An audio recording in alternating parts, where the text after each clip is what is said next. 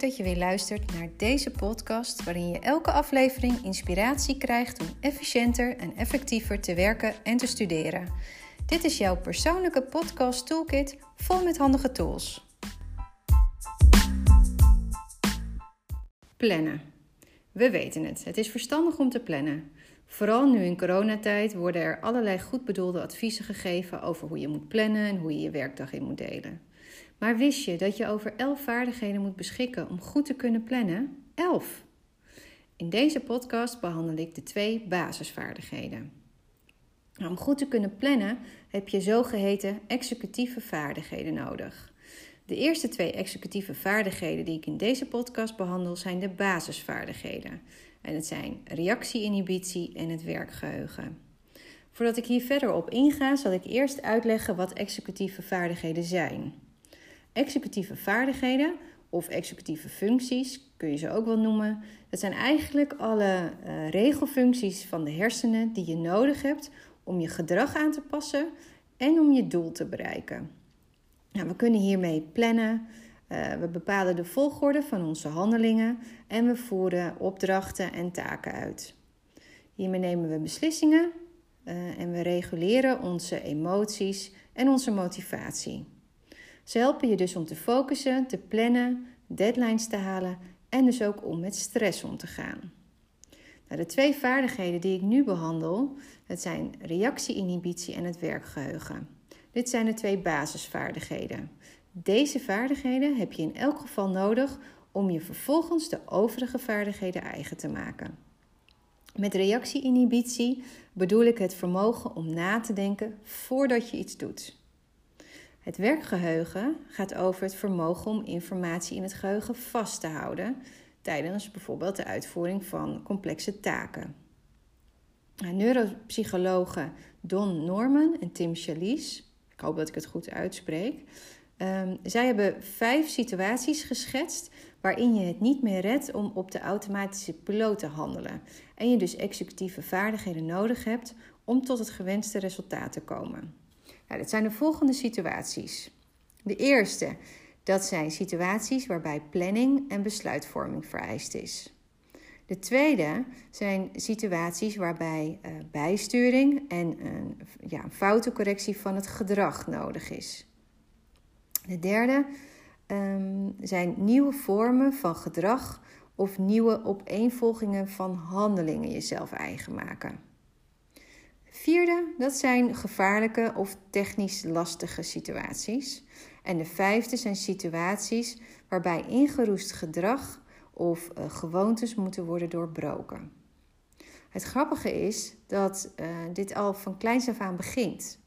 Reactie-inhibitie zie je bijvoorbeeld al bij kleuters, als ze iets aan hun ouders willen vragen die in gesprek zijn. Ze moeten dan even op hun beurt wachten, maar dat vinden ze ontzettend lastig. Werkgeheugen heb je ook op jonge leeftijd al nodig. Het is bijvoorbeeld belangrijk om aanwijzingen van een leraar of van je ouders te onthouden en vervolgens ook uit te voeren.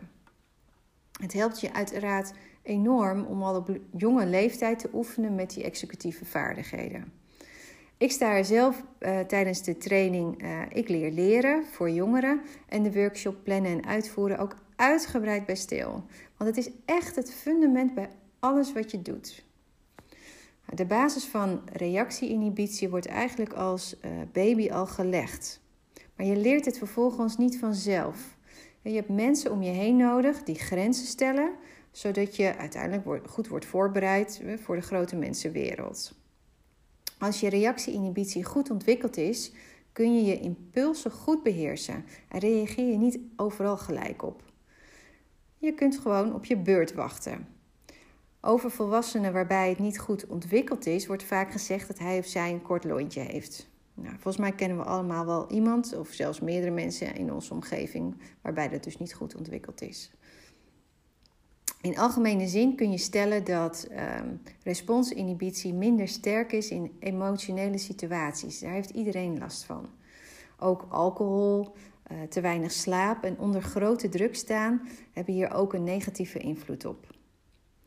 Een goed voorbeeld van jongeren en volwassenen die een minder goed ontwikkelde responsinhibitie hebben, dat zijn bijvoorbeeld mensen die uh, boze WhatsApp-berichtjes sturen of mailtjes. Misschien heb je jezelf er ook wel eens op betrapt dat je een mailtje van jezelf van een tijdje geleden teruglas en dat je dacht: Jeetje, wat ben ik fel zeg. Of misschien heb je wel eens een mailtje gestuurd en wilde je gelijk na het verzenden eigenlijk al de verzending ongedaan maken. Een ander voorbeeld is het verkeer. Misschien ga je wel helemaal uit je stekker in het verkeer. Dat zijn dus duidelijke momenten waarop je responsinhibitie jou eventjes in de steek laat. Maar hoe kun je dit nou trainen? Het is wel fijn als het toch wel goed ontwikkeld is. Bij kinderen is het eigenlijk vrij duidelijk. Ze moeten leren om ergens op te kunnen wachten, om hun impulsen te kunnen beheersen. En dat kan door duidelijke regels te maken thuis. Nou, neem bijvoorbeeld, je mag niet door iemand anders heen praten. Je moet op je beurt wachten. Uh, je moet wachten met eten totdat iedereen zijn eten heeft. Maar dat kan ook uh, door spelletjes te spelen waarbij je op je beurt moet wachten. Nou, als je wat oudere kinderen hebt, of je bent zelf, je bent volwassen, dan moet je bepaald gedrag afleren. En afleren is altijd lastiger, maar op zich ook niet heel ingewikkeld. Het gaat er vooral om dat je je bewust wordt van je eigen gedrag. En dan vervolgens moet je jezelf momenten geven om even na te denken voordat je iets doet. Je kent vast de uitdrukking even tot tien tellen wel. Nou, dat heeft alles hiermee te maken. Wat je ook kan doen, uh, als je bijvoorbeeld zo'n mailtje hebt gestuurd en je weet van jezelf, nou, kan nogal veel uit de hoek komen, druk dan niet gelijk op verzenden, maar ga eerst even koffie of uh, iets anders te drinken halen. En lees het dan daarna nog een keer. Dit allemaal lukt natuurlijk niet in één keer. Maar al doe je het maar een paar keer, dan zul je al merken dat je jezelf na verloop van tijd nieuw gedrag aanleert. Nou, de tweede was het werkgeheugen.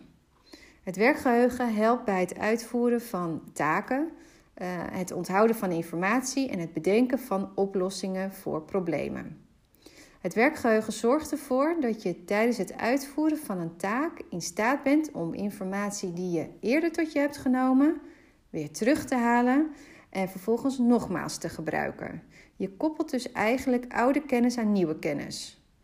Nou, voor wat betreft leren en studeren is het natuurlijk super handig om een goed werkend werkgeheugen te hebben. En niet alleen omdat je dan sneller de lesstof onthoudt, maar ook omdat je dan beter verschillende leertechnieken kunt toepassen.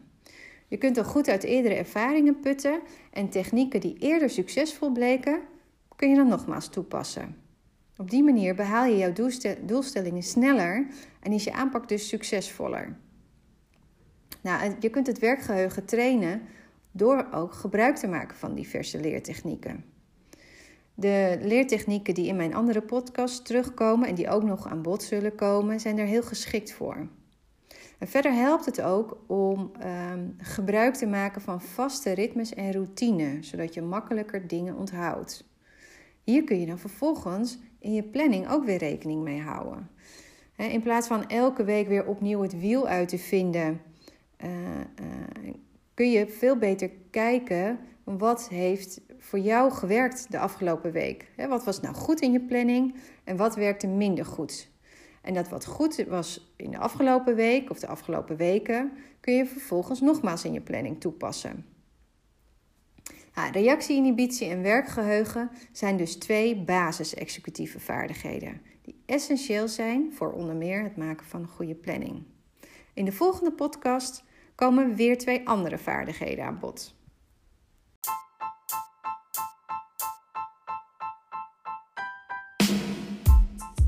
Dit was weer een tool voor jouw persoonlijke podcast toolkit. Dankjewel voor het luisteren. Vond je dit een nuttige podcast? Deel hem dan graag met anderen. Wil je meer tools? Abonneer je dan op deze podcast zodat je als eerste op de hoogte bent als er weer een nieuwe aflevering klaar staat. Tot de volgende keer.